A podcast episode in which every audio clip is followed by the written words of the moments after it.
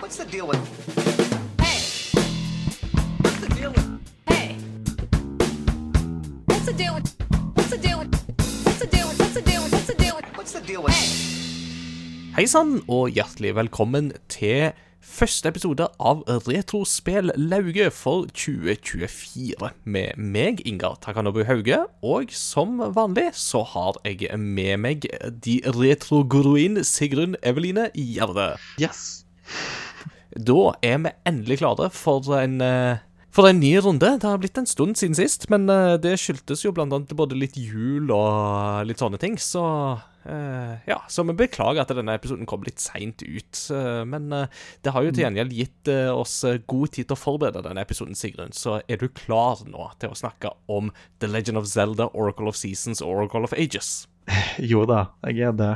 Og eh, det blir noen eh, kompliserte ting å eh, komme borti, bl.a. passordsystemene som man har i det her eh, spillet. Men det, de her spillene, men det kommer vi tilbake til. Mm, absolutt. Her er det mye å ta tak i, så jeg tenker egentlig at vi skal bare gå i gang. For de av dere som hører på for første gang, så er jo da Retrospellauget en eh, spin-off av Crossover Gaming-podkasten. Og dette er jo da et opplegg der vi i vår Discord-server blir enige om et retrospill som vi skal spille i lag. Og så skal vi dele litt erfaringer underveis, før vi da til slutt samles, eh, noen av oss som har deltatt i dette her, samles da i en sånn episode som dette. Og, spillet som da var siste spill ut, eller de siste spillene ut, får jeg kanskje si, i 2023, det var The Legend of Zelda, Oracle of Seasons og Oracle of Ages på Gameboy Color. Og ja, vi kan jo egentlig bare gå i gang med å gi en introduksjon om disse spillene. For dette er jo da de første offisielle Zelda-spillene som ikke er utvikle av Nintendo sjøl. Og jeg sier offisielle, for at det, det er disse her Unholy Games på Philips CDI, de snakker vi ikke om, gjør vi vel? Nei. Jeg eh, har vel beskrevet de som en gang som at eh, de spillene der vil vi helst bare ta ut i bakgården, skyte med et nakkeskudd og glemme at de noen gang eksisterte. Ja, det um, Jeg har sett noen eh, spille de spillene. Sånn streamere Game Grumps har jo f.eks. spilt gjennom det. det. Det ser mildt sagt eh, ut som lav kvalitet. og med så lav kvalitet så blir det jo desto mer frustrerende. Men det har nå blitt noen gode memes av de spillene, da, så det er jo i det minste noe. Men det som vi snakker om nå, det er jo da ikke disse CDI-spillene, men det er da spill som er utvikla av Flagship, som da var et underselskap av Capcom i sin tid. Så det at Capcom fikk lov å prøve seg på en så hellig Nintendo-lisens som The Legend of Zelda, det var et ganske stor tillitserklæring, om vi kan si det sånn. Og dette er jo da to spill, for det er jo det som er spesielt her. Det er jo to spill som ble både utvikla og lansert parallelt, og som snakker litt sammen. Det skal vi komme tilbake til. Og Disse spillene ble lansert på Gameboy Color 27.2.2001 i Japan. Og 14. mai samme år kom de til USA, eller Nord-Amerika. Og 5.10 samme år ble det sluppet i Europa. Og Det som da er spesielt der, er jo da at i Europa så ble da spillene lansert etter at Gameboy Advance hadde gjort sitt inntog på markedet. Mens for de andre markedene så var dette noen av de siste store Gameboy Color-spillene som ble lansert før Gameboy Advance tok over. Mm. Mannen som leda dette arbeidet, var en som heter Hidemaro Fujibayashi. Han var da både regissør, manusforfatter og en av hoveddesignerne bak prosjektet. Og på dette tidspunktet her så var han rimelig fersk. Han hadde tidligere jobba med tre spill hos Capcom. Et av dem var et mahjong-spill. Det andre det var et anime-spill ved navnet Gakko no Kowai Uasa Hanako-san Gakita. Uh, som da høres ut som en sånn her altså Fritt oversatt så betyr det noe sånt som uh, The Scary uh, School Tale. Hanako-san has arrived. Ah. Det, så det høres ut som en sånn der anime som Jeg har forstått at det skal ikke være sånn skummelt, men jeg tror det er en sånn der De leker seg litt med sånne der japanske kaidan-banashi. Sånne der, japanske spøkelsesfortellinger, tror jeg. Ah, ja, for det, altså, den, den lange tittelen minner jo en del om uh, visual novels som man finner i dag, som uh, mm. iblant har en såpass uh, lang tittel at det tar flere sider nedover. Ja, sånn, ja, ikke sant? Sånn som Konosubarashi sekai ga no kamisama, ga, kamisama no shukufuku ga arimasu yoni, eller et eller annet sånt som jo bare blir Konosuba. Uh, det, ja, det er nok om anime i dag. Det Eh, men eh, gjennombruddet til Fujibayashi det fikk han faktisk da i 1998, for da kom det et Disney Tetris-spill som kaltes for Magical Tetris. Og dette ble sluppet på en del plattformer og fikk faktisk ganske god omtale. Fujibayashi han er imidlertid ikke et ukjent stempel i dag, fordi han meldte overgang fra Capcom til Nintendo i 2005, og siden den gang så har han leda utviklingen av Zelda-spillene The Minish Cap, Four Swords Adventures, Phantom Hourglass, Skyward Sword, Breath of the Wild og Tears of the Kingdom. Ofte så er det jo produsent Eiji Aonuma som blir tråkket fram, men det er da Fujibayashi som er director for disse spillene her. Så han har en lang fartstid med Zelda-spillene, og dette var da gjennombruddet hans. Produsent det var Noritaka Funamizu, eh, mens lead artist, altså ledende konseptkunstner, var Yusuke Nakano. Og spillene ble komponert av Minako Adachi og Kiyohiro Sada, som òg da brukte noen av eh, komposisjonene tidligere til Totaka eh, fra The Legend of Zelda, Links Awakening, blant annet. Og disse spillene de solgte rundt en fire millioner eksemplarer hver, så de klarte seg sånn tålelig greit, selv om de kom seint i Gameboy Colors levetid. Og litt under 750 000 av disse ble da solgt i Japan. Og det interessante som vi må trekke fram her, er jo at det finnes en limited edition som inneholder begge spillene. Inneholder deksel til både en Gameboy Color og en Gameboy Advance, og en T-skjorte, for å nevne noe. Og den, er, eh, den ble lansert bare i 500 eksemplarer på verdensbasis. Så har du en sånn en liggende, congratulations, da kan du pensjonere deg. Eh, du kan bare selge den og så pensjonere deg, basically. Ah, skulle ha hatt den i bakhånd, altså. Ja, det hadde vi vært smarte, Sigrun, så hadde vi investert i spill i 2001. ja, når jeg var ni år. Så, eh, og med det så går vi da gjennom eh, litt av eh, historien, og da blir det jo bare sånn i veldig korte trekk, for dette er jo en veldig sånn overordna historie i disse spillene her. Det har seg jo sånn at uh, The Legend of Zelda Oracle of Seasons og The Legend of Zelda Oracle of Ages de foregår på en måte litt sånn parallelt om hverandre, og de begynner ganske likt med at Link rir uh, til et slott ute i skogen, der uh, The Triforce, denne hellige kraften i Zelda-spillene, dveler. Og idet han kommer dit for å sjekke at alt er på stell, så blir han transportert til en annen verden. Og her skiller det seg da litt ut. I Oracle of Seasons så blir han sendt til landet Holodrum. Der møter han på det som da er årstidenes orakel, som heter Din. Og hun blir kidnappa av en ond general som heter Onox, som vil bruke hennes eh, krefter til onde hensikter.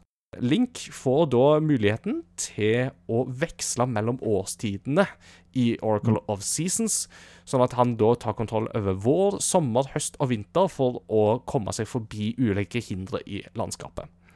I eh, Oracle of Ages derimot så blir han transportert til landet Labrinna, og der møter han på tidens orakel, som heter Nairu. Eh, og hun blir da besatt av den onde trollkvinnen Varen, som da bruker Nairu for å få kontroll over fortiden, sånn at nåtiden blir skrevet om. Og dette gjør da at Link får en harpe, som gjør han i stand til å reise mellom fortid og nåtid, sånn at han da kan gjenopprette balansen.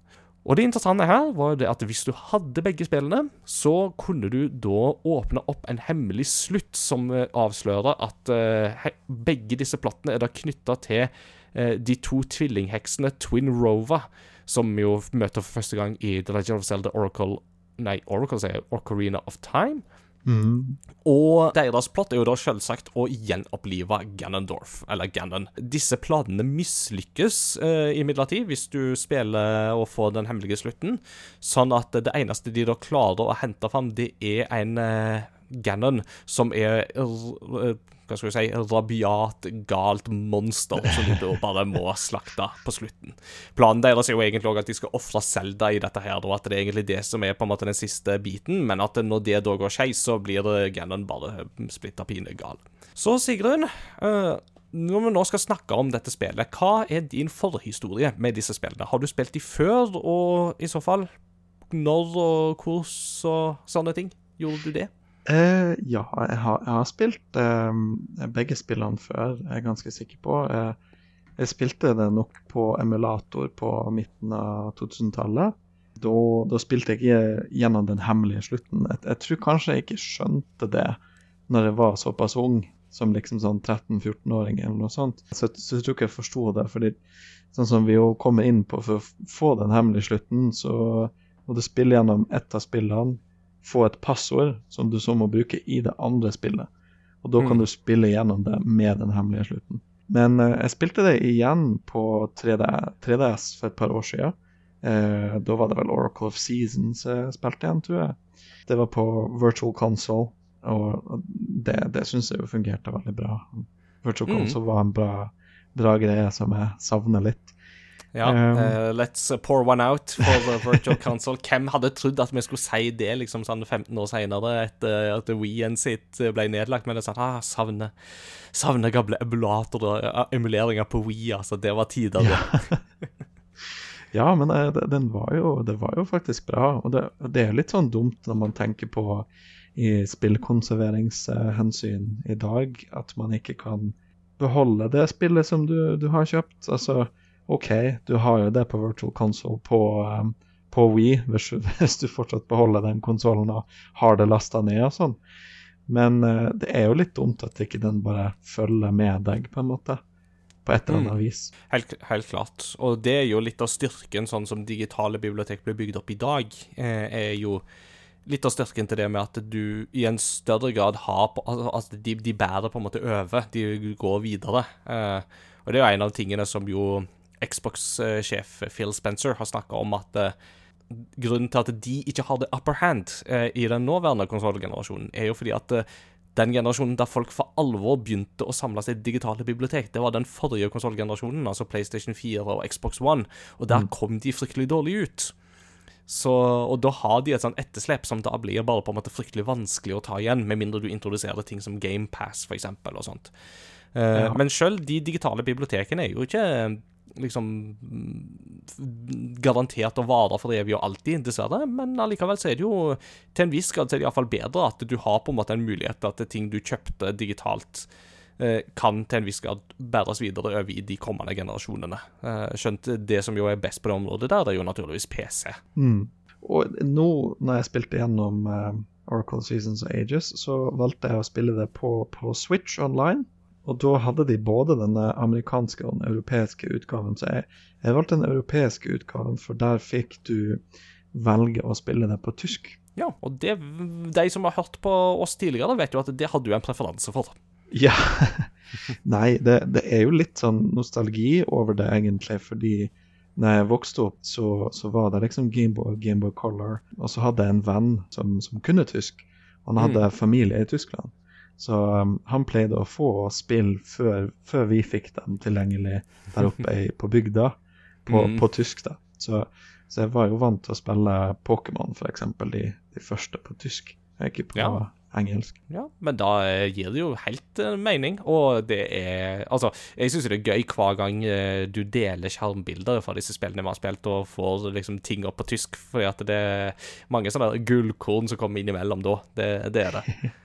Ja, altså har jeg jo Jeg er jo fascinert i språk generelt, så, så det blir jo også det at av og til er det vel noe som høres veldig interessant ut, eller som, som minner meg på et eller annet, et annet språk også, Mm. som er spennende. Ja, eh, for min del så er jo dette spill som har vært ukjente for meg, uh, iallfall sånn direkte. Jeg vet at jeg har prøvd å begynne på Oracle of Seasons, i hvert fall, tidligere, og jeg har hatt de tilgjengelig på 3DS, jeg òg. Men de har liksom bare aldri blitt spilt. Og jeg eide de ikke noe sjøl på Gameboy Color i sin tid. Jeg hadde jo ikke Gameboy Color, jeg hoppa rett fra Gameboy til Gameboy Advance, og da jeg da hoppa til Gameboy Advance, så var det egentlig mer spennende å på en måte pusle med nye spill som kom til den, istedenfor å bruke masse penger som vi jo naturligvis ikke hadde så mye av, fordi at jeg gikk på ungdomsskolen på den tida der, til å kjøpe to Zelda-spill til Game of Color. Så det ble jo mm, det den gangen. Så det var liksom først at da de kom på Virtual Console på 3D, som du snakket om, at jeg hadde liksom planer om at ja, nå, skal jeg, nå har jeg endelig muligheten til å få spilt de. Og så ble det bare aldri prioritert, selv om jeg eide begge to. Så dette var liksom første gang for meg der jeg prøvde meg på disse spillene sånn helt og fullt, og sånn gikk all in på de, rett og slett. Og min gjennomgang nå har jo vært litt artig, fordi jeg har jo da benytta Analog Pocket til dette her. Som jo Ja. er den eh, FPGA-emulerte Gameboy-maskinen fra Analog. eh, dette amerikanske selskapet som jo driver med FPGA-emulering. Eh, som da er emulering på hardware-nivå, ikke på software-nivå. Som betyr at du kan bruke original software. Og det betyr da at da fikk jeg faktisk tak i disse spillene her fysisk. De, de koster jo litt i dag om du skal liksom kjøpe dem, men altså, li, altså Limited edition kan du bare glemme. Altså, det, det, koster jo et halvt statsbud, det koster jo et halvt statsbudsjett, eller uh, hva skal du si, en halvparten av det Microsoft betalte for Activision Blizzard. Uh, så Det er det Norge burde investere i for, for framtida, når Orla tar slutt. Mm. Limited editions, helt klart. det er det det går i.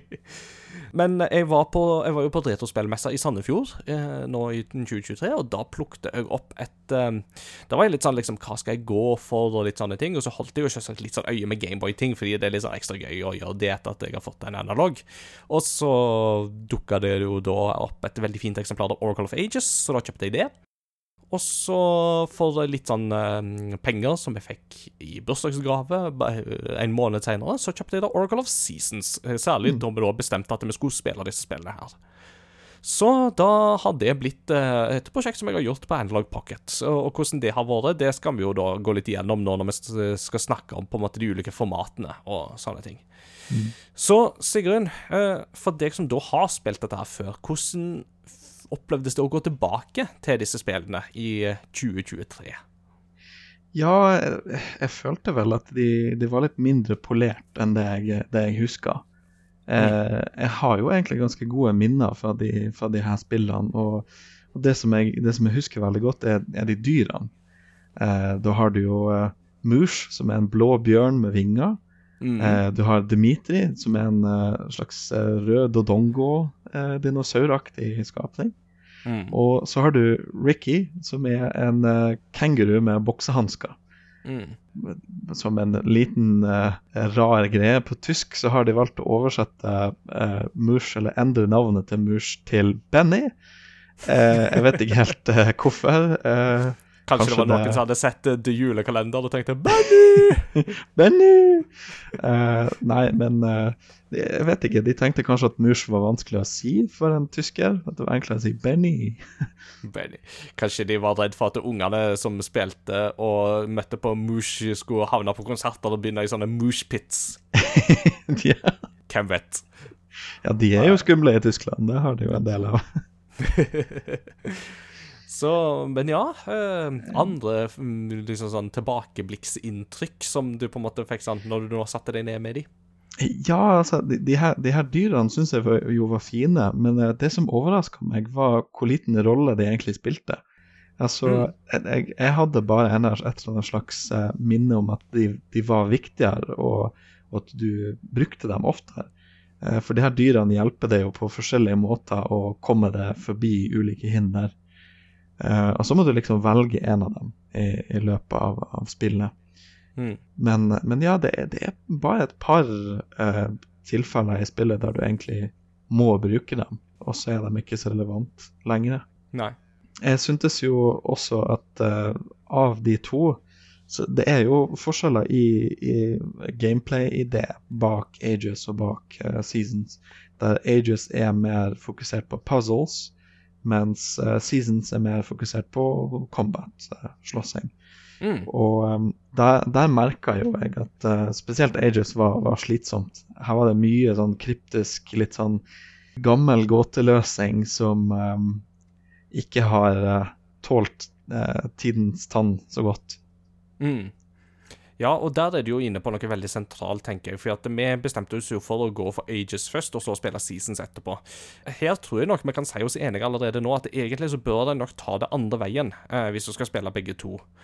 Fordi Seasons hjelper deg i mye større grad å komme litt inn i mindsettet til hvordan du skal løse et par puzzles, og hvordan du skal tenke litt rundt et par puzzles i dette spillet. For det er ikke alltid like åpenbart hvordan ting skal løses, men Seasons er litt snillere fordi at det fokuserer mer på kamp, og det er ikke så veldig kompliserte kamper i dette spillet heller, tenker jeg i hvert fall. Og det som jeg også merka, var jo at pga. at jeg eh, spilte på, på Switch online, så opplevde jeg en del eh, glitcher. En del grafiske glitcher, rett og slett. Um, Der jeg syns det var tydelig at det var ikke så godt, så bra som um, Virtual Console på 3DS.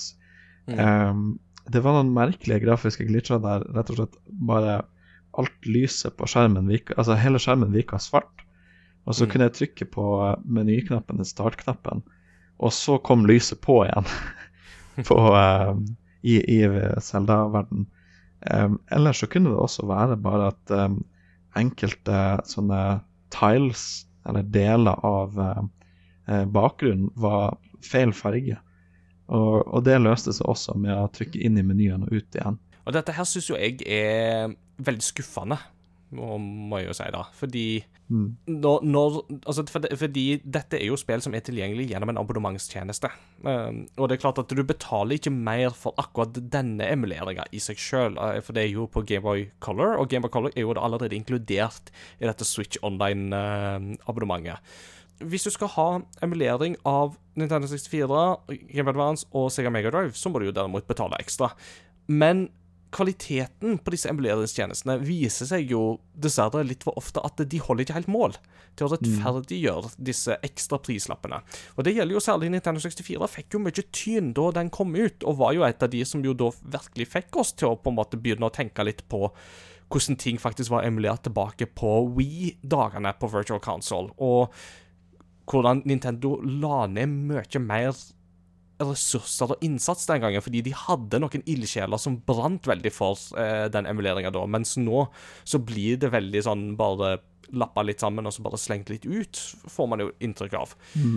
Og det er jo dessverre veldig kjedelig, fordi det er jo Nintendo sjøl som sitter på eh, kildekoden til dette her. De, de burde jo være i stand til å gi gode offisielle emuleringstjenester, og hvis de ikke klarer det, så kan man jo ikke klandre folk for at de går for bedre emuleringstjenester, tenker jeg. Altså, hvis du skal slå ned på det, så må du faktisk levere. Ja, og eh, det er jo litt sånn som eh, Man har, har jo hatt eh, NES Mini og, og SNES Mini, eh, som var deres egne offisielle emuleringsløsninger for, for de konsollene. Og jeg føler jo at det, det smarte som de gjorde der, var jo å bare ta et utvalg med spill som eh, de sjekka at eh, emulatoren eh, kunne kjøre. Men da er jo det et pro potensielt eh, problem når du har en sånn online-tjeneste der du kontinuerlig legger til eh, nye spill. Eh, For hvis du da ikke også legger til muligheten at du kan endre på emulatoren, eller kanskje legge til en annen emulator for hvert enkelt spill, så kan du jo oppleve at oi, det her spillet kjører ikke så bra på den emulatoren vi har. Hmm. Ut ifra de skjermbildene som jeg jo da fikk ifra deg mens vi jobba med dette prosjektet her, var jo det at eh, det var ikke bare det at jeg ble så forbausa over alle disse bugsene som du støtter på, men jeg var jo òg litt forbausa over fargepaletten. Virka rett og slett litt tam, uh, syns jeg. Ja. Eh, så jeg måtte jo sjekke litt dette her sjøl på min Switch OLED, og dette syns jo jeg var veldig fascinerende, for jeg er jo en veldig forkjemper for OLED-skjermene. Altså Gir du meg en OLED-skjerm i neven, så er det gull for meg. Og særlig hvis du da kombinerer det med HDR, så er jo det på en måte toppen av kransekaka, sånn som jo Switch Nei, ikke Switch, men Steamdeck OLED gjør i disse dager.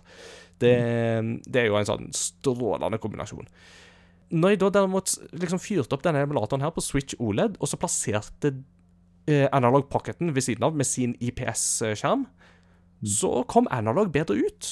Eh, det var skarpere, bedre fargepalett. Eh, grafikken ble mer crisp og clean. eh, og fargene var mer levende, alt i alt. Og det er jo utrolig betydningsfullt for et sånt spill som dette her.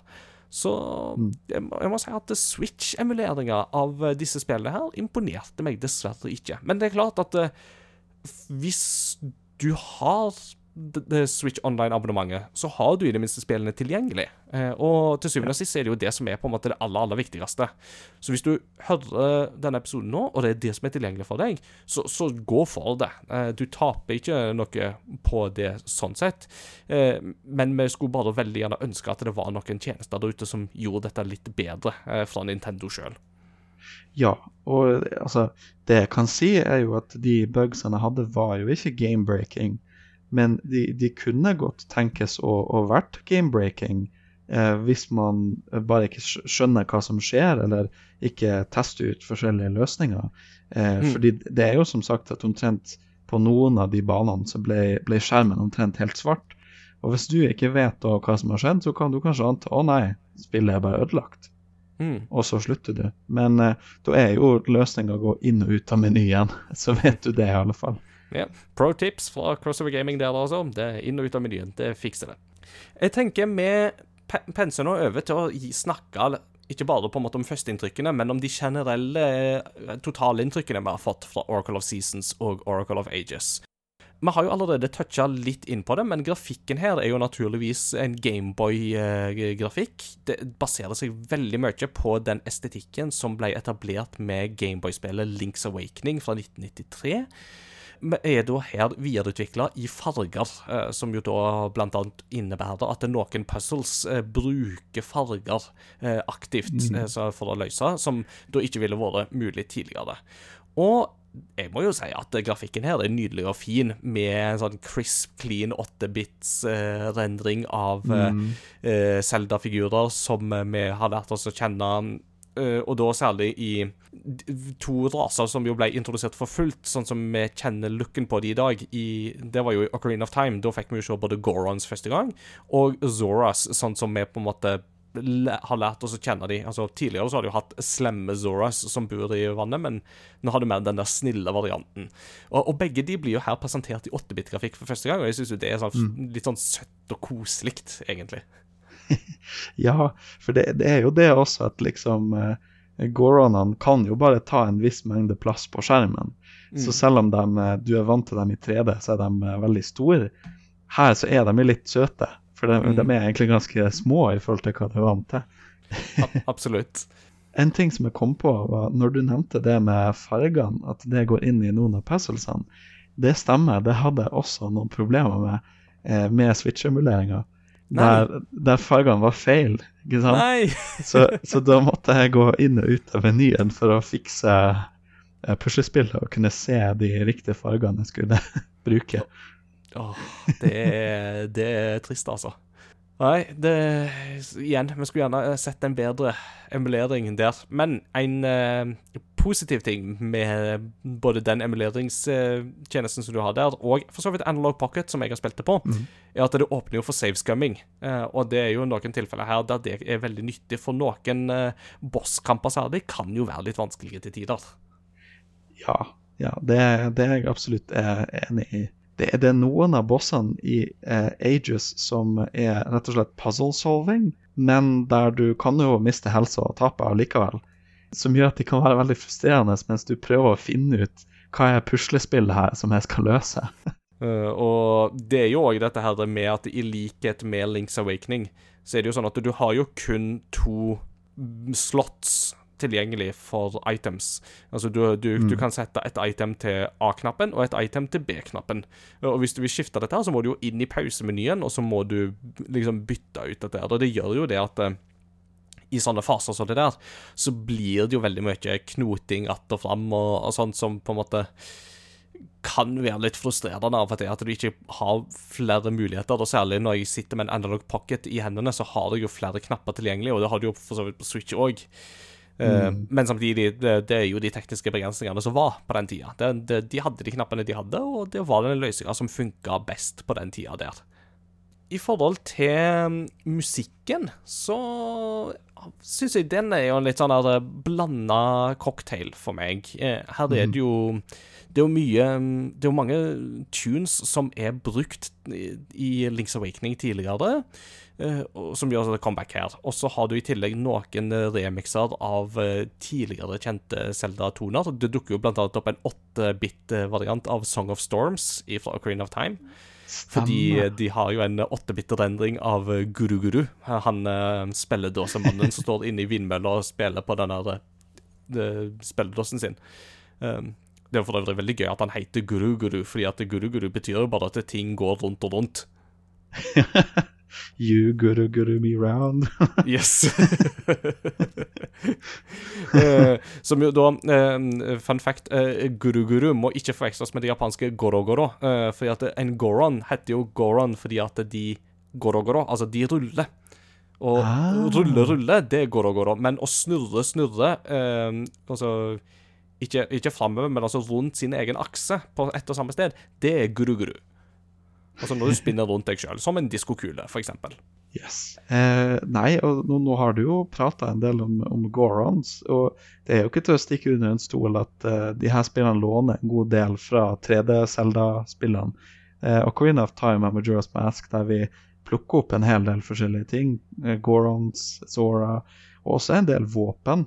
Eh, med eh, veldig mye om og men kan du f.eks. få tak i Bomb Choose. Mm. Og du kan få Bigorons sword i, i spillet, som, eh, som blir en two-hander, som gjør at du kun kan ha den i, på A-B-knappene. Mm. Eh, så da får du ikke bruke noen andre items. Og da kan jo det egentlig være mer frustrerende i kamp, fordi du må bytte fram og tilbake. Så, Eh, da, så da spørs det om det er noe man egentlig vil satse på. ja, og så er, er den jo treig. Den slår jo treigere enn Mm. det vanlige sverdet, liksom. Mm. Så jeg vil jo ikke si at hjulet er oppfunnet på nytt. Det er liksom det, det er mye som man kjenner igjen også fra Link's Awakening og fra A Link to the Past. Det, noen av de unike tingene er en av moroe karakterer. De her dyrene eh, er jo òg et nytt innslag. Og eh, Maku-treet, som er Mm. tre de har i stedet for, eh, for DQ-treet. Eh, som de, de spiller litt på i de her to spillene. I Oracle of Ages så er DQ3 Maku-treet ei jente. eh, og vil tydeligvis gifte seg med Link. Ja, det, du, du, hun, hun rødmer litt i kinnene og litt sånt, så, så det er veldig åpenbart at hun har et godt øye for Link der. Men hvordan i all verden det ekteskapet skal fungere, det er jo fuglene vet. Jeg, jeg tenkte jo, Hvis jeg bare penser liksom litt tilbake For at du snakket jo litt om dette her med Bomb Choose og Big Goron Sword og sånne ting. Og så er det jo veldig mye på en måte ting som blir gjenbrukt. Men de har jo et par eh, våpen her som er på en måte unike for disse spillene. Mm. Et av de eksemplene der er jo denne magnethansken som du kan få i Oracle of Seasons. Som er veldig Det er kanskje på en måte et av de mest kule våpnene i dette spillet her, syns jeg. Fordi Ja. da kan du lade hansken din med enten positiv eller negativ eh, polaritet, og så kan du da trekke til deg eller støtte fra gjenstander, eventuelt dra deg sjøl bort til en gjenstand, eller pushe deg vekk ifra det. Og det kan jo hende at jeg på en måte strekker den litt langt, men jeg aner jo på en måte litt her Fujibayashi legger grunnlaget for både magnetisme og ultrahand-evnen, som vi kjenner fra henholdsvis Breath of the Wild og Tears of the Kingdom. Ja, ikke sant?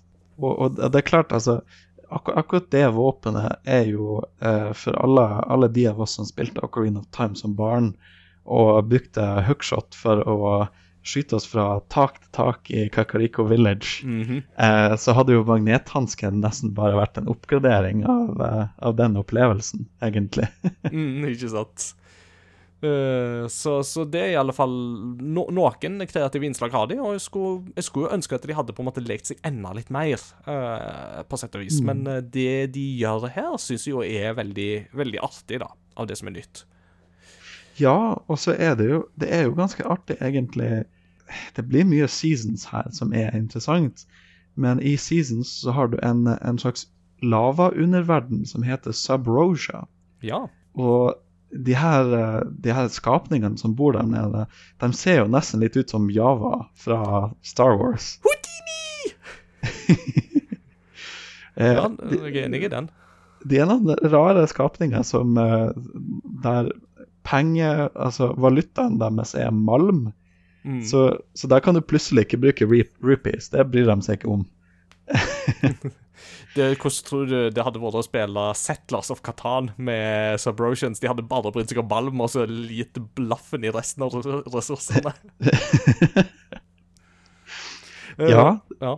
Uh, Og, og en av disse her uh, i Subrosia som du jo støter veldig mye på, er jo De har jo en egen personlig liten diva der nede, har de ikke det? ja. De har en, eh, de har ei popprinsesse, som, som spillet kaller det. jeg, eh, blir, jeg får ikke helt med meg hvordan hun er en eh, popprinsesse, om hun, om hun synger, eller om hun er en idol, eller uh, noe sånt. Men Kjenner Hun er iallfall i alle fall en, eh, ja, kjenner jeg Japan rett, så er hun vel en idol. Ja, det, det, er, nok, eh, det er nok det.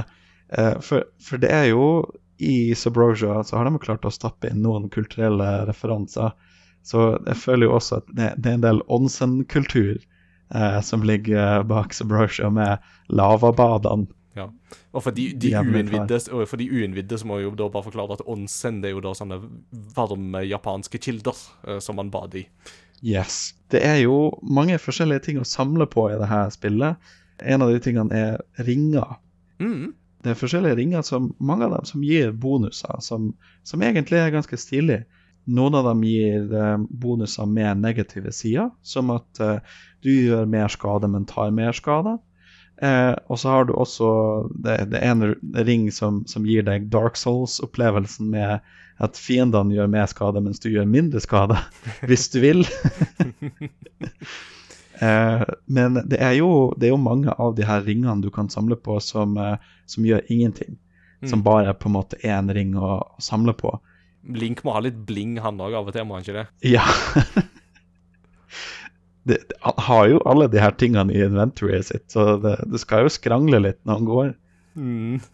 Det er, det, er, det, er det Link som er The Lord of the Rings? Det er jo uh, Altså, Lord of the Rings, eh, Fellowship of the Ring, kom jo samme året, så det er, man la spekulasjonene begynne å surre og gå, folkens. Ja, i Ringenes herre så har man jo The One Ring, og så har man jo Er det ni ringer til de her ulike Three for the Elven Folkene. Kings, og seven rings for the dwarfs in the halls made of stone, nine rings for mortal men doomed to die, uh, osv. så videre. Så det, Ja. det er jo mange ringer i omløp. Ja, det er klart, men eh, Ringenes herre har jo ingenting på Oracle Seasons of Ages, der uh, maksantallet med ringer er 64. Uh, passende Ta nok. den, ta den Sauron. En ting som er veldig spesielt med ringsystemet, er at det er et par ringer du kun kan få på Gameboy Advance. Eh, Ja. Altså med å sette eh, kassetten i en eh, Gameboy Advance-konsoll. Og det har jo sikkert litt med at eh, det her ble utvikla så seint at eh, Gameboy Advance eh, kom jo ut eh, like etterpå i Japan og Nord-Amerika. Eh, så de hadde allerede tenkt på at her er det sikkert noen som kommer til å spille det her på Gameboy Advance Mm. Nå er det ikke mulig å få de ringene på Switch, egentlig, uten å på en måte jukse. Jeg er litt usikker på hvordan man kan få det til på Analog Pocket, men eh, jeg vil tro det kan være noe av det samme måten man kan jukse på Switch for å, for å få det til. Jeg syns det var litt sånn spennende å tenke på om, om det er en eller annen måte til å få Analog Pocket til å lese det som Gameboy Advance. For den spiller vel begge, gjør den ikke det? Jo, den gjør jo det, men uh, den vil jo i utgangspunktet sette opp på en måte prosessoroppsettinga basert på softwaren du bruker. Eh, Og siden dette her jo da i utgangspunktet er Gameboy Color-spill, så tror jeg jo at den primært leser de som Gameboy Color-spill, altså, og da emulerer seg sjøl som en Gameboy Color og ikke en Gameboy Advance. Eh, dette her er jo Altså Hvis det er noen som har på en måte fikla med dette her, så er jo det fryktelig interessant. Jeg må jo innrømme at min tekniske know-how er jo ikke i nærheten av å på en måte kunne begynne å touche innom dette her. Så hvis det er noen som har gjort det, så all kudos og ære til deg, altså. Ja, og vi har vært inne på at eh, grafikken er fin. Det, det er fin eh, pikselgrafikk her, liksom. Man ser f.eks. mot slutten så ser man Selda kysse Link. Så kommer det et lite hjerte opp, og så svaier Link som har laga gelé etterpå. så det var Ja, veldig det- gøy å se pikselgrafikk. Mm, det er veldig uttrykksfull, god eh, pikselgrafikk her. Og det er jo noen av disse her stillbildene som du får både i innledningsvideoen og litt sånn underveis og sånt av og til. Eh, mest på begynnelsen og slutten, da, vel å merke, som er veldig veldig fine. altså, Og som viser det at eh, Capcom var i stand til å tyne veldig mye ut av eh, denne teknologien her. Altså, Vi må jo huske at dette, altså, originale Gameboy kom jo ut i 1989, eh, og Gameboy Color var ikke veldig store oppgraderinger, ikke sant? Så det er jo klart at det, det er jo i utgangspunktet teknologi som er basert på på en måte 80-tallsteknologi, dette her. Og likevel så klarer de å få det til å se så pent ut, og det må jeg si er ganske imponerende. Mm. Og så opplevde jeg jo noen moro tyske ting i, i gjennomspillinga mi. Ja, Eh, wunderbar. ja, det synes wunderbar. Eh, så for eksempel, en ting som jeg, eh, jeg syns alle nordlendinger burde plukke opp eh, og ha med seg, er når du møter en gjeng med skjelettpirater, så er det en av dem som forteller Link Spinn doch kein seemannsgarn. Så på godt eh, nordnorsk Spinn da vel ikke noe sjømannsgarn? Det blir, rett og slett en sånn herre eh, Altså, skal dette tolkes som en sånn splitte mine bramseil, eller er det litt sånn eh, Ja. Det, er vel, eh, det er vel eh, slutt, å, slutt å tøv, ah, på en måte. ja, altså, altså, du fader med pølsevev, rett og slett. Eh, Ja. Spinn ikke noe sjømannsgarn. Ja, nei, nei, jeg kjøper den. Og de her uh, skjelettpiratene, de, de sier eh, En av dem sier også til Link Beim klabauta, mann. Ja. Så den, eh, den er litt vanskelig å forklare, for vi er ikke så vant til å si ting på den måten på norsk, men på engelsk har du jo by golly, Mm. som er Man kunne oversatt til norsk som du store, Mm. liksom. Og det, det er- på en måte mer en sånn uh, uttalelse som man, man bryter ut i, bare sånn å, å nei, liksom. Mm. Uh, men her refererer de jo til Klabatamann, som er en sånn uh, tysk, tysk mytisk skikkelse som er ånden til et skip. Mm. Ja, og jeg, jeg syns det var interessant da du påpekte dette mens vi spilte, eh, og minte meg jo på at eh, det stedet som vi jo blant annet møter på en Klabautermann, er jo i OnePiece. Yes, ja, ja. Det er der du også, og det er jo en serie som er veldig god på å få skipet til å bli en karakter, på en måte. Så det, det gir god mening at uh, OnePiece har en Klabatamann når Mm. skipet er så viktig. Mm. Disse skjelettpiratene er jo veldig artige, for de dukker jo opp i begge spillene. Uh, og det, altså, da, jeg, da, da vi spilte Oracle of Ages først, så var det jo sånn at da er jo de stranda et sted og trenger en sånn eh, De trenger en thingamabob av et eller annet slag eh, for å komme seg videre. Og så når de da får den, så eh, uttrykker de jo at eh, Å, fantastisk, nå kan vi seile av sted til Holodrum, eh, som jo da er verdenen i Oracle of Seasons.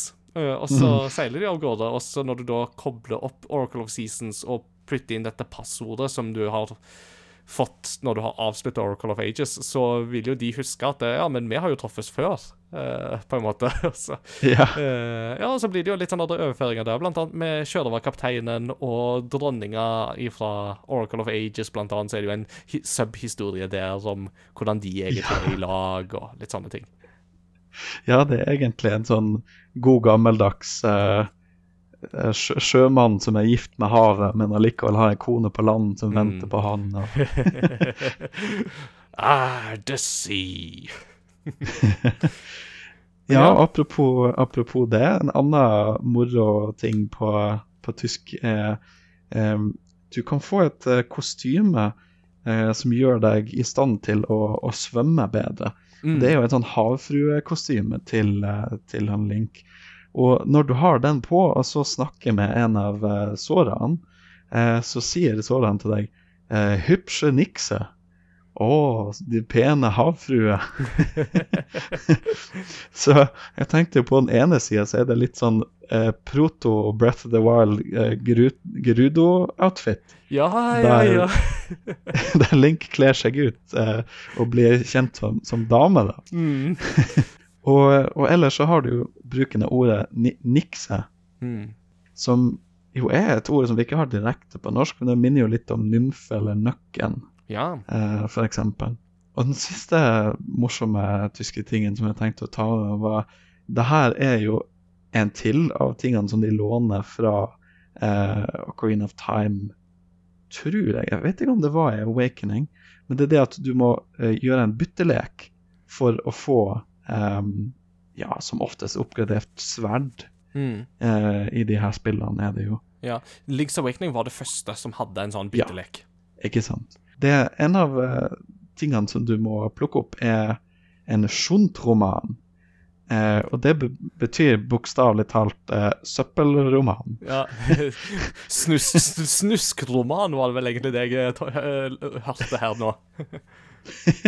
Ja, det er mer sånn som kiosklitteratur. Det er jo på norsk kaller kiosklitteratur er de såpass ærlige på tysk at de bare kaller det søppel, rett og slett. Rett og slett. Eh, men det andre som er morsomt med det, er at um, Schundroman høres så mye ut som Schult-roman, altså som skyld. At du burde føre skyld for å lese eller for å skrive denne typen bok. Nei, det er fint. Det er, jo, det er jo noen som omtaler det som smusslitteratur på norsk òg, så det er ikke så langt ifra søppellitteratur, faktisk. Ja, det, det gir jo mening, da, når man tenker sånn. Mm, ja. En ting som vi jo har allerede pitcha litt når vi har snakka om disse spillene her, eh, men som vi jo absolutt må bruke litt tid på, er jo dette her at Oracle of Seasons og Oracle of Ages snakker jo sammen eh, via og det er vel strengt altså er det vel to forskjellige måter du kan gjøre dette på. Du kan enten koble de sammen ved hjelp av to uh, Gameboyer og en eh, linkekabel. Eh, og overføre en eh, complete, eh, completed save-file fra det ene til den andre. Eller så kan du få deg et passord som du da kan plotte inn i det andre spillet når du er ferdig med det første. Så uh, hvor skal vi på en måte begynne når vi snakker om dette systemet her, Sigrun? Eh, ja, nei, vi, vi kan jo begynne med det å på en måte prise eh, Capcom igjen for eh, hvordan det her går an, hvordan de har klart å stappe det her inn i de kassettene. Eh, for det er et ganske sprøtt eh, passordsystem som du som eh, du, du får se når du har spilt gjennom en av spillene en gang. Og da får du et passord som er 20 tegn langt, så vidt jeg kan huske. Og da er det på en måte kryptert inn i de eh, 20 bokstavene, så er det navnet du har valgt, hvilket av dyrene som du valgte å plukke opp, og også navn på Det er en familie som har en unge, eh, som hvis du hjelper dem, så kan du, kan du få lov til å gi den ungen navn. Mm. Og det er på en måte en sånn blomsterfamilie. Foreldrene heter vel Blossom og Blippim eller et eller annet sånt. eh, så da valgte jeg å kalle barnet for Holtz, eller rett og slett bare V. Jeg lurer på om jeg kalte, ja, jeg lurer på om jeg kalte min for Gannon. Passer nesten nok. ja. Men det her eh, passordsystemet og måten de her spillene eh, spiller sammen på, er jo tydelig inspirert av Pokémon. Mm. eh, av, av rød og blå og, og gull og sølv og sånn. Måten det egentlig fungerer på, er du spiller gjennom det, det ene en gang, får et passord på slutten, så kan du bruke det i det andre spillet. Da får du tilgang til den hemmelige slutten. Men også i det her spillet som du spiller, som har den hemmelige slutten, så blir det plutselig låst opp masse nye passord eh, som du kan bruke i det første spillet for å gi deg ting. Så det går fram og tilbake, for det er jo noen folk som du møter på som bare sånn Å, eh, jeg skjønner at du har vært i Labrinna. Å, der møtte du en sånn og sånn, ikke sant? Ja, kan du si dette til han? Og så Ja. må du bare ta og skrive i det andre spillet, og så låse det opp et eller annet. Ja, og, og det er jo artig. Det er liksom kryptert eh, babbel på en måte som kommer ut av dem. Eh, men eh, det er nyttige ting du får. Eh, det er en heart container kan du få, f.eks. Eh, du har enkelte våpen som du kun kan låse opp eh, gjennom det her passordsystemet mellom spill. F.eks. den eneste måten å få The Master Sword på, eh, er å bruke passord. Mm. Eh, Bigoron Sword og Mirror Shield også. Å, ja. Uh, alle tre av de her tingene er du nødt til å bruke passordsystemet for, for å få til.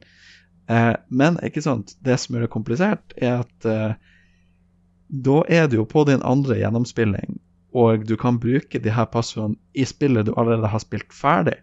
Mm. Så de, de eh, våpnene har jo ikke så mye verdi i det spillet som du har spilt ferdig.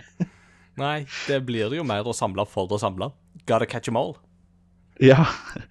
Og, og da blir det jo på en måte eh, Løsninga som Capcom hadde, var at OK, når du tar med deg et passord fra din andre gjennomspilling til, den, til din første, så får du et til passord som du kan ta tilbake igjen til det andre spillet som du spiller nå. Mm. Og der hvis du da går bort til uh, Maku-treet, eh, så er det muligheten da for å cashe inn de her eh, passordene fra det første eh, spillet. Etter mye om og men. Mm. Og da får du faktisk muligheten til å nyte noe godt av det eh, på resten av gjennomspillinga. Mm. Det, det, det står iallfall ikke på Det står i hvert fall ikke på ambisjonsnivået til Capcom når de liksom prøver på en måte løse dette her. Og vi må jo huske på at dette her er jo en måte å prøve å få til informasjonsutveksling i en tid der trådløs eh, dataoverføring det var så godt som ikke eksisterende, ikke sant? Så for å parafrasere Nils Arne Eggen litt, grann, eh, de skal ha Capcom, de prøvd. Ja. det er jo definitivt ambisiøst, men etter hvert nå som jeg går gjennom eh, resten av det her, eh, det blir mer komplisert. Mhm. Eh, Det kan du tro. Stick with me, the story gets better. ja. Så, så må jeg jo bare allerede si at det var jo ikke rart jeg ikke skjønte det her som barn. Og jeg kan jo heller ikke skjønne at det var mange barn som fikk med seg det her. Jeg tror min, min tanke i dette her er det Jeg tror bare Capcom ville selge masse sånne guidebooks, sånne strategiguider og sånt. Ja Ja, hvis de måtte selge én for hvert spill, at det er en egen en for Ages og en egen en for Seasons, er dobbelt med salg. Mhm. Twice the money. Uhuhu. Men OK, la oss ta deg gjennom det her. Du har spilt gjennom ett av spillene én gang. Du fikk en kode. Du brukte den på det andre spillet. Du fikk den hemmelige slutten. Hva skjer da? OK, da får du en ny kode etter du er ferdig den andre gangen. Og det er det som kalles the hero's secret. Den koden kan du bruke på det første eller det andre spillet, ettersom du selv har lyst. Det den gjør, er at den da setter det tilbake igjen til første gjennomspilling uten hemmelig slutt. Ja. Og så selvfølgelig, hvis du har begge spillene og du har spilt gjennom Ages, og så spiller du gjennom Seasons Seasons er jo litt annerledes når du spiller det med hemmelig slutt. Mm. Da er det noen ting som har forandra på seg. Så det her gir deg muligheten til å oppleve spillet uten at det er forandra på. Eh, den andre tingen er at det er noen ting som overfører seg. Det, det er nesten som en slags new game pluss pluss ja. eh, à la 2001. Imponerende, rett og slett.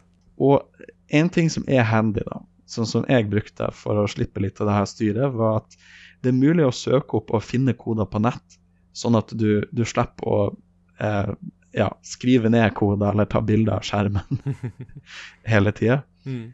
Men en av tingene som, eh, som blir med på hver gang du får en sånn kode, og du, du fører det videre, er jo ringene. Mm.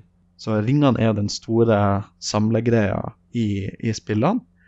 Og bare for å sette det i perspektiv, for å få alle 64 eh, ringene i spillet uten å jukse, så må du spille begge spillene to ganger Ja. gjennom. altså fire gjennomspillinger. ja, du vet, vi hadde, mer, vi hadde mer tid til overs eh, da vi var små, så eh, Og spillene vi kjøpte, de, de vi skulle jo holde, så ja, ja.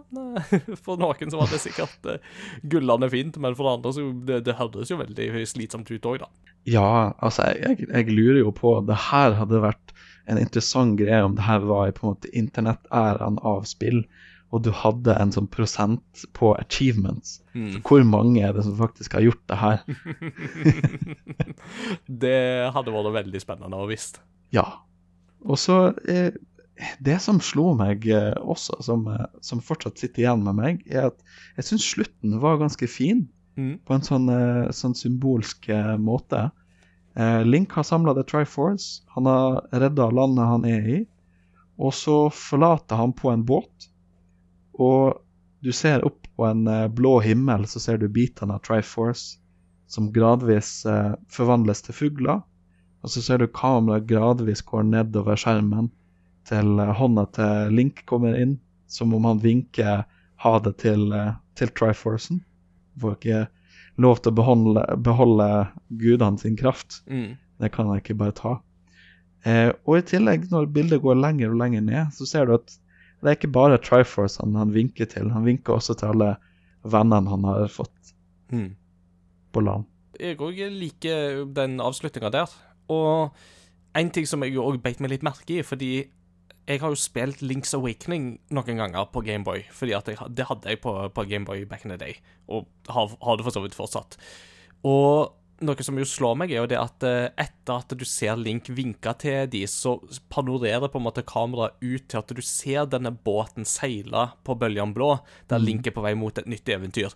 Og den, den måten på en måte den båten er rendra, den er ganske lik hvordan båten i starten av Links Awakening er rendra, der Link er fanga i en storm. Så det er jo noe som eh, Hvis jeg husker Jeg tror vi sjekka dette her opp når vi jobba med dette, her, og da var jeg ganske sikker på at Oracle-spillene foregår i timelinen rett før Links Awakening. Så jeg tror at Links Awakening er altså, så, så, så disse historiene henger på en måte sammen. Altså, Dette er det Link gjør før han seiler, og så blir han da fanga i den stormen i Links Awakening. Jeg tror det er helt bevisst, altså. Uh, og det syns jeg var veldig veldig kul detalj å, å få med seg. Ja, det, det er en ganske kul greie. Altså, Capcom har jo vært litt forward thinking der. Eh, med, med å legge det inn lenge før man begynte å tenke så mye på timelines i Zelda. Ja, ja, ja, altså dette var vel jo Altså, eh, ne, altså man begynte jo å spekulere på split timeline-teori og sånn rundt årtusenskiftet, men uh, denne her teorien om at det er tre timelines eh, ble jo først bekrefta da den Hyrule Historia kom ut i 2011. Eh, så det tok jo ganske lang tid før Nintendo på en måte bekrefta hvordan denne timelinen er, og eh, hva for noen spill som hører hjemme i hva for noen timelines. Og begge disse, alle disse spillene her lurer jeg på om jeg lurer på om disse er satt i timelinen der Link feiler i Ocarina of Time, for det er jo en timeline. Eh, Så Men eh, ikke arrester meg på det hvis jeg husker feil der. En ting som jeg vil liksom touche litt innom sånn helt til slutt, er jo dette her med på en måte puzzle solving og eh, design of dungeons i, i spillet. Det er jo mange som i disse dager med Breath of the Wild og Tears of the Kingdom sier at de savner liksom litt den gamle Zelda-strukturen, og da er jo dette her noen spill som kan på en måte være noen gode påminnere på godt og vondt om hvordan det liksom var før i tida. Ja. og jeg sier på godt og vondt, fordi at det er jo Altså, her det er gøy absolutt med dungeons og puzzle solving og alt uh, sånne ting, og for det meste syns jeg Capcom har gjort en god jobb. Men det er samtidig en del gåter her som er veldig kryptiske, og det er mange sånne småting her og der som vitner litt om at uh, disse spillene mangler litt den der siste finishing touchen som Nintendo alltid har hatt for å sikre kvalitetshevinger på Zelda-serien. Hva, hva tenker du om det? Jo, jeg er enig i det. Det var litt sånn som, litt sånn som det jeg tenkte, at å komme tilbake igjen til det her, så er, så er det mindre polert. Og jeg tenker jo egentlig sånn Jeg lurer på om Nintendo hadde tatt samme valg hvis de hadde laga to parallelle Zelda-spill, og eh, på en måte gjort dem såpass forskjellige som de her er, da, med at eh, Oracle of Seasons eh, sine dungeons, der er jo gjerne gåteløsninga kjempeenkel. Mm. Iallfall på de første par eh, dungeons. Så, så er det veldig lett, vil jeg si, selv for uh, en, en, en nybegynner i Zelda, vil kunne få til det. Mm. Uh, men det motsatte er jo tilfellet i Ages.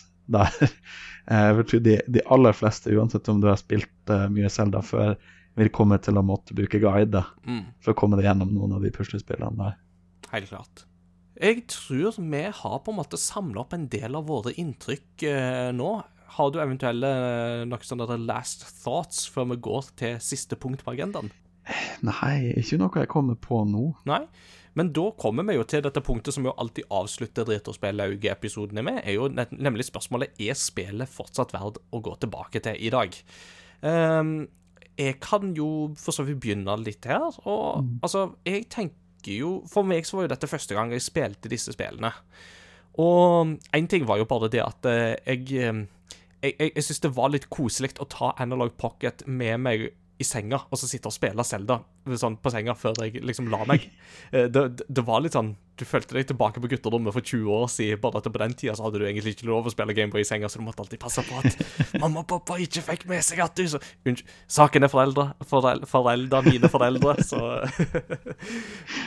Men um, til en viss grad så vil jeg jo si at disse spillene er verdt å gå tilbake til. Og særlig hvis du ikke har spilt de før, så er de gøy å få med seg. Det er jo en gøyal bit med Zelda-historie, dette her. Og spillene er gode. Det er de. De er ikke dårlige, noen av disse spillene her. Det, det vil jeg jo absolutt si. Eh, samtidig så er det litt av det som jeg var inne på, at det mangler på en måte litt av den der finishing touchen som hadde på en måte heva de fra å være gode til å være liksom skikkelig, skikkelig gode. Eh, og jeg vil nok fortsatt rang rangere Links Awakening som et bedre spill helhetlig sett enn enn disse to her. Så jeg vil si at eh, til en viss grad så er de verdt å gå tilbake til, men du må ha både god tid og litt tålmodighet hvis du skal sette deg ned med, med disse spillene. Mm. Ja, og jeg, eh, for min del så tenker jeg jo Jeg syns spillene er verdt å gå tilbake igjen til om du er Zelda-fan. Hvis du er veldig glad i Zelda, så, så tror jeg at eh, du kan få mye godt ut av å, å spille de her spillene. Men hvis du, ikke, hvis du ikke er det, hvis du ikke har så mye erfaring med Zelda, så er det veldig mye bra Zelda der ute som man kan hoppe på, som, som er bedre helhetsmessig.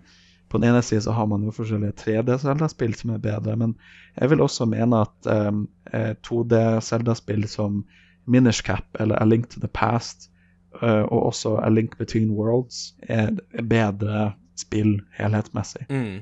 Og, og Minish Cap var det jo òg eh, Capcom som utvikla seinere, og du merker veldig at de har lært ifra arbeidet med disse to spillene her til The Minish Cap. Altså Én ting er jo det at de hadde bedre teknologi å jobbe med, uh, flere muligheter sånn sett, men uh, Minish Cap er et undervurdert Zelda-spill, altså. Det, det vil jeg si. Ja, og jeg, jeg spilte jo gjennom det på nytt igjen i eh, faktisk i fjor, tror jeg. Ja. Um, og en av de store forskjellene her er jo her, her låner de ganske mye fra, fra Zelda fra før, men så føler jeg at i Minerskap så klarte de å introdusere mange flere nye ting som de på en måte sjøl har, har funnet på, og som gjør opplevelsen ganske fresh. Sånn som det med å, bli liten er ganske spesielt. Med det så er vi vel kommet til veis ende i denne oppsummeringa av eh, to Zelda-spill, til og med. Tenk det. Eh, og vi må jo som vanlig avslutte med noen tunes ifra disse spillene vi har spilt. Jeg ser du har satt opp to alternativ, Sigrun, og jeg lurer på om vi skal Ja. ta det som du har beskrevet som penest. Ja, det, det jeg har beskrevet som penest, er eh, Zelda Awakens, som jo er eh, noe som du bare får høre når du har spilt gjennom to ganger. Så en, en annen ting man kunne gjort med podkasten, kunne jo vært å eh, sluppe ut to versjoner her. Og så må du høre gjennom to ganger før du får Zelda Awakens. ja, det, jeg, jeg, jeg tror vi skal um, Jeg tror vi skal spare lytterne våre for, for, for akkurat det. Så Det var jo også Jeg ser jo òg at det har foreslått eh, som et alternativ at vi kunne hatt eh, Airwormen eh, med Subrosia-temaet, som jo er ganske gøyalt, det òg. Men eh, jeg syns det er et godt forslag, det, og at vi skal kjøre Zelda Awakens som eh, avsluttende på denne episoden. Mm. Sigrun, du skal ha takk for at du som vanlig stiller opp i disse episodene her.